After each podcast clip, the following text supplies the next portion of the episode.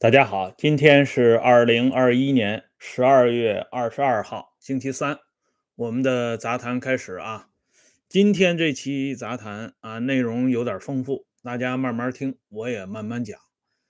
啊，上一次节目啊，说到结尾的时候是说到王震啊，这个如何在九一三啊九幺三事件之后大骂林彪啊，表明自己的忠心和立场。呃，在座谈会上大骂还不够，另外呢，王震还专门做了一个非常庄严的表态。这个表态呢，是专门说给中央听的，也就是说给毛泽东听的。王震的表态是这么讲的啊，这是来自于人民出版社公开出版的《王震传》里边的啊。呃，王震的原文是这样讲的：我向主席和党中央请求，把我分配到北边去，反修前线的生产部队去，从六盘山、陕北的榆林、大青山，一直到大兴安岭的任何一个地区，生产部队都可以。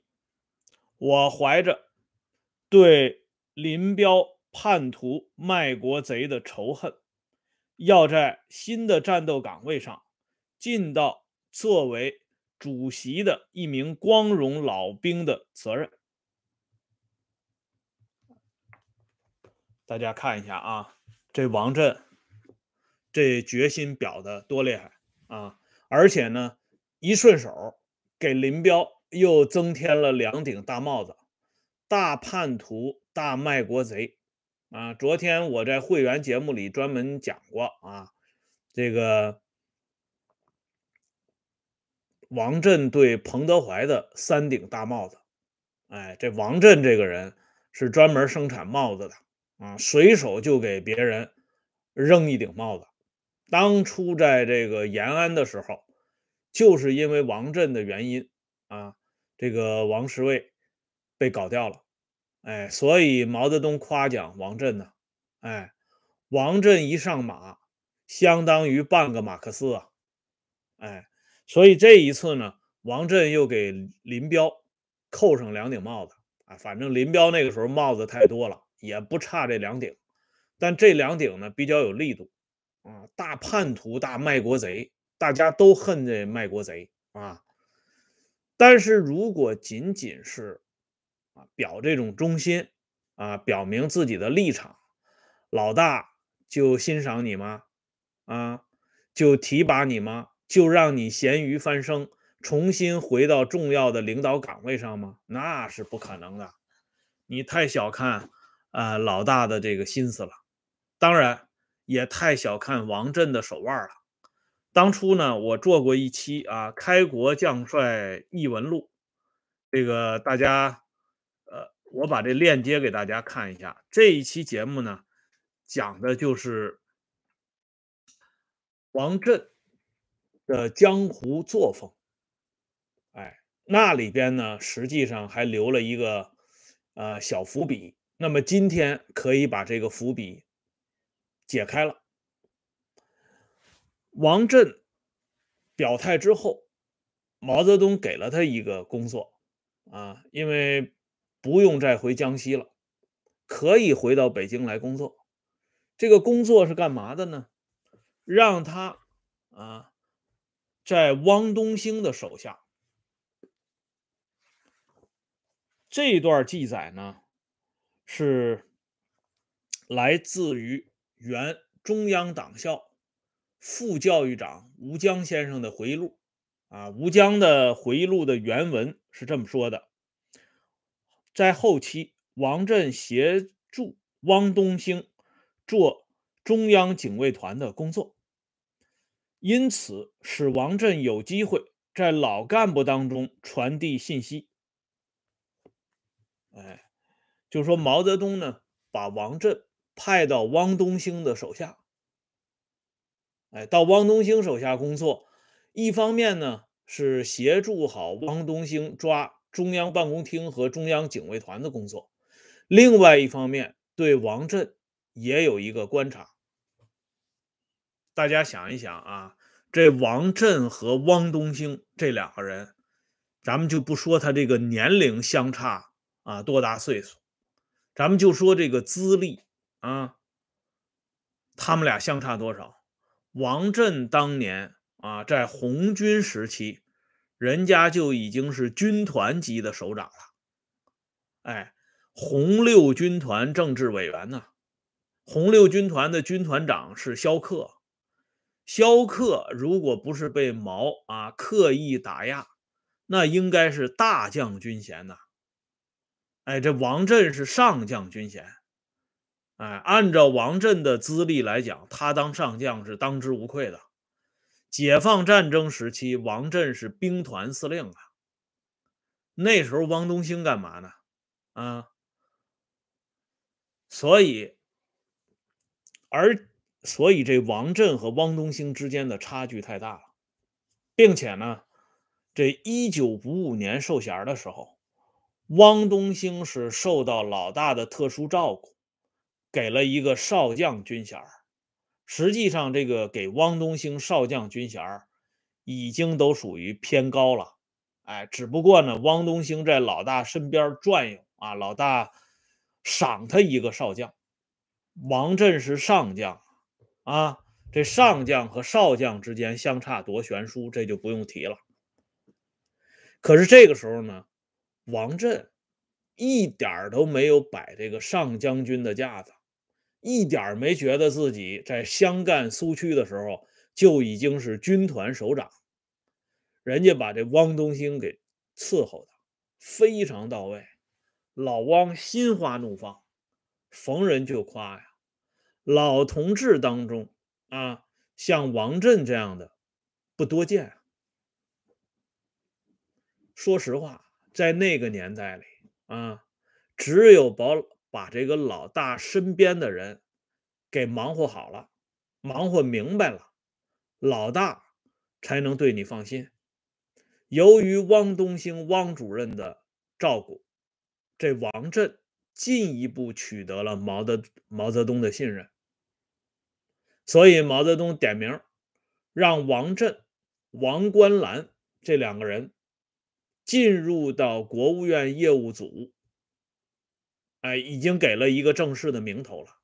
当时能进入国务院业务组的人，那可是凤毛麟角啊。像后来成为英明领袖的华主席，那时候也是老大点名进入国务院业务组，开始进行全方位培养的。而跟王震一起被老大点名进入业务组的这王观澜，哎，那很有名啊。当年这个医院里头经常挂着一个横幅，叫“既来之则安之”，发扬革命的人道主义、救死扶伤的精神。这话就来自于伟大领袖。而这个“既来之则安之”是老大引用古人的话。劝威王观澜安心养病的原文。哎，王观澜的老婆徐明清，那跟江青是颇有渊源啊。以前我在这个江青朱明这个系列里边讲过徐明清这个人。哎，所以大家看一下，王观澜夫妇跟毛泽东、江青夫妇，人家在延安的时候就有关系。那王震跟毛泽东、江青夫妇他没什么关系啊，但是他跟汪东兴汪主任有关系。说穿了，那个时候啊，江青、汪东兴、张玉凤这三个人，你要不巴结好，你想啊，轻轻松松的回到原岗位，甚至在原岗位基础上还有攀升，那是完全不可能的。哎，必须。后结老大的周围这三个最重要的人物，这王震就是非常有眼力见儿，哎，这样的话呢，就为王震施展他的另外一番拳脚，打开了局面。这王震这个人，上一次节目我不是讲过吗？他特别喜欢玩这个以退为进，啊，这第一把呢，在天安门城楼上玩线了啊。老大一脚把他踢到江西去了。可是第二次呢，他故伎重演，因为今夕易事了，这个形势啊、背景啊都发生变化了。第二次以退为进，这个时间点也非常重要啊，因为这个一九七四年马上要研究四届人大人事工作了。哎，当初这王洪文啊，长沙告状讲的就是因为这个国务院组成人员这件事儿。这时候王震一看机会来了，这一把要不拼命搏一次，那就没机会了。过了这个村儿，可就没有这个店儿了。所以王震给周恩来写了一封信啊，这封信呢。是周恩来的秘书季东专门回忆的。王震写的这封信呢，非常厚啊。周恩来示意季东把这封信啊打开看一下，就说秘书可以拆开看。这一点呢，其实也说明当时王震这个地位。虽然回到了国务院业务组，但不是特别令人瞩目。为什么呢？因为如果他是特别令人瞩目的话，第一，他不会写这封信；第二，周恩来对他的来信会亲手开启，不会让秘书去开启。哎，反正呢，季东就把这封信打开了。季东是第一个看到这封信的人，所以他的回忆呢。是颇具史料价值。季东说了：“我拆开一看，真是字如其人，页数不少，字字斗大。十六开的信签上，每页也就是十几二十个毛笔字，字体不秀美，但是非常有力。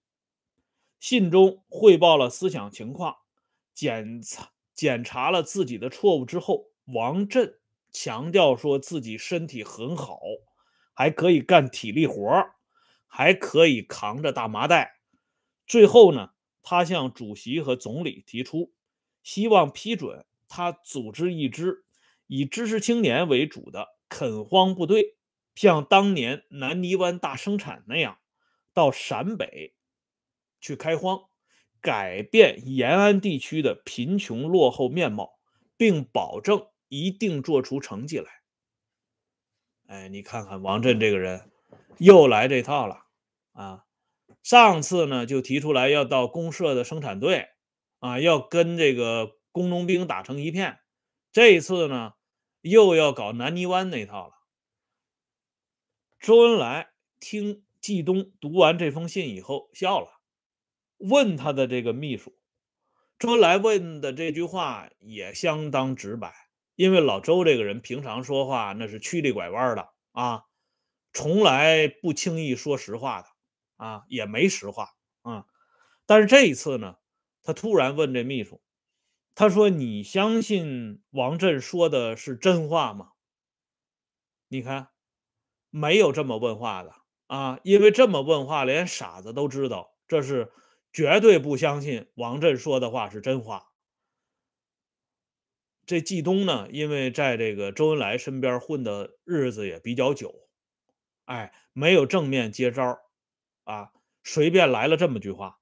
他说：“王震同志决心很坚决呀，因为你当秘书的，你不能比首长更聪明啊。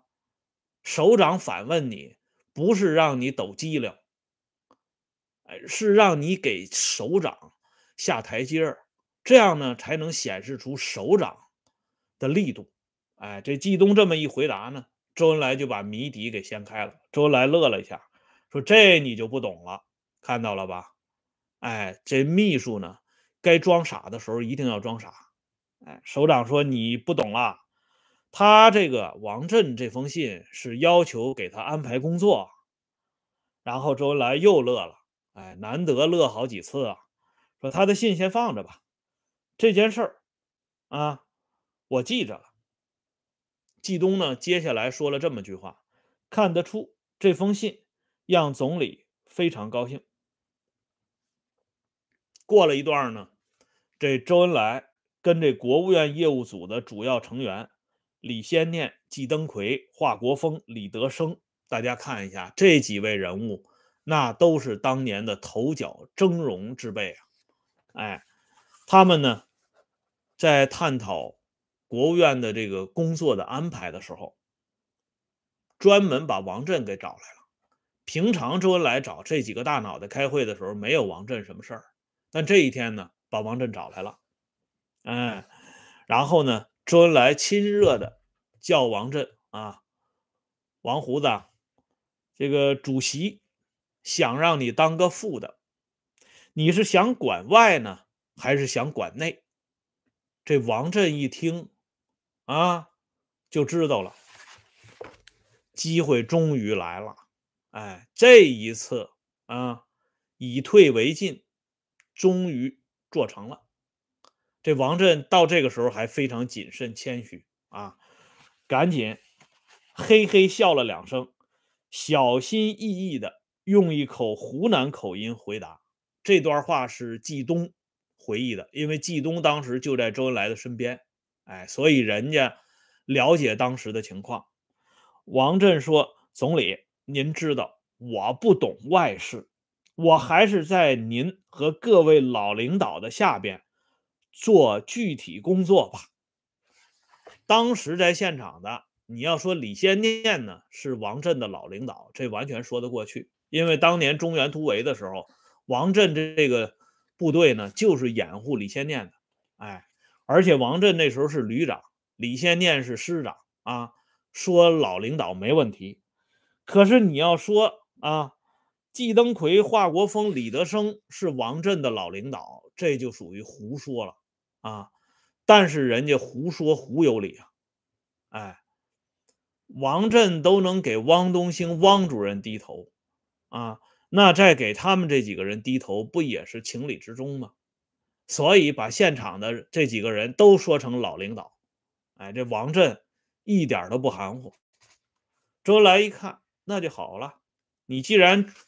还是想管啊内的话，安排一个副总理，这样的话呢，在四届人大上啊，在国务院的组成人员当中，王震摇身一变成了国务院的副总理了。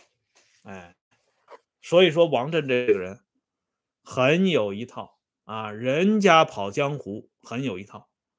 那么当了副总理以后。王震巴结的对象就变了，就改成巴结华国锋了。那时候华国锋跟王震是平级呀，哎，国务院副总理兼公安部部长。那时候毛泽东对华国锋还是培养阶段，但是王震已经看出来了，这华国锋的重要性一点不次于汪东兴啊。所以王震那个时候跟华国锋的关系处的那是相当到位。华国锋到中央来工作，那是两眼一摸黑呀！啊，如果不是老大照顾，他怎么能跟这些老家伙们坐在一起开会呢？那真的是夹着尾巴做人呐。但是王震啊，只要是他分管范围内的，什么事儿都愿意先问问国锋同志。这华国锋自己都觉得不好意思，因为有些事儿不是他管的，他就赶紧谦让说：“这个王震同志，您是老同志了啊，这些事儿您就可以拍板了。”王震说：“不一样，不一样啊！老革命遇到新问题，哎，还是要请你们这些人给长长眼，给把把关啊。”久而久之，华国锋啊。对王震的印象特别好。那么接下来呢，这个发生的一系列的事情，大家也就都知道了。一九七六年啊，这三个大人物先后都去世了啊。接下来呢，一九七八年啊，一九七七年，这中央开这工作会议了。就在这个时候呢，汪东兴。找这王震透露了一条重要的信息，什么信息呢？汪东兴告诉王震，啊，这为什么要告诉王震呢？因为毛泽东活着的时候就说了，王震同志是一个可以信赖的老同志啊，而这汪东兴和华国锋也没拿王震当外人，所以要把这个重要的信息透露给王震。这个重要的信息是关于邓小平的，哎，就是说，一九七七年的时候，上半年，华国锋已经考虑了，在适当的时机安排邓小平出来工作，哎，先给邓小平治病，这邓小平这前列腺有问题，先住院治疗，啊，治疗之后呢，安排邓小平出来露脸儿。以前啊，大家都知道，这一说这邓小平重新出山，都想到啊那些老一辈无产阶级革命家。其实，第一个主张让邓小平出来的就是华国锋，而且没有华国锋的批准，邓小平也根本出不来。哪怕是叶帅给讲情，那也没戏，因为华国锋是新的老大了，哎，英明领袖了。所以这。汪东兴把这件事儿呢，是当成一个很重要的信息透露给王震，也说明呢，汪东兴直到这个时候跟王震的关系还是相当亲密的。王震拿到这个消息之后啊，如获至宝。这王震又出了个奇招，这个奇招呢，让王震这后半生踏踏实实的坐在了决策层里。啊，他又想个什么绝招呢？咱们留待下次接着说啊！感谢朋友们上来点赞、收看和收听，欢迎大家关注“温相说时政”会员节目啊！明天呢，那期会员节目我会给大家详细讲一下这个王震啊是如何吹捧。康生和粟裕的啊，这个话题咱们明天会员节目详细讲啊。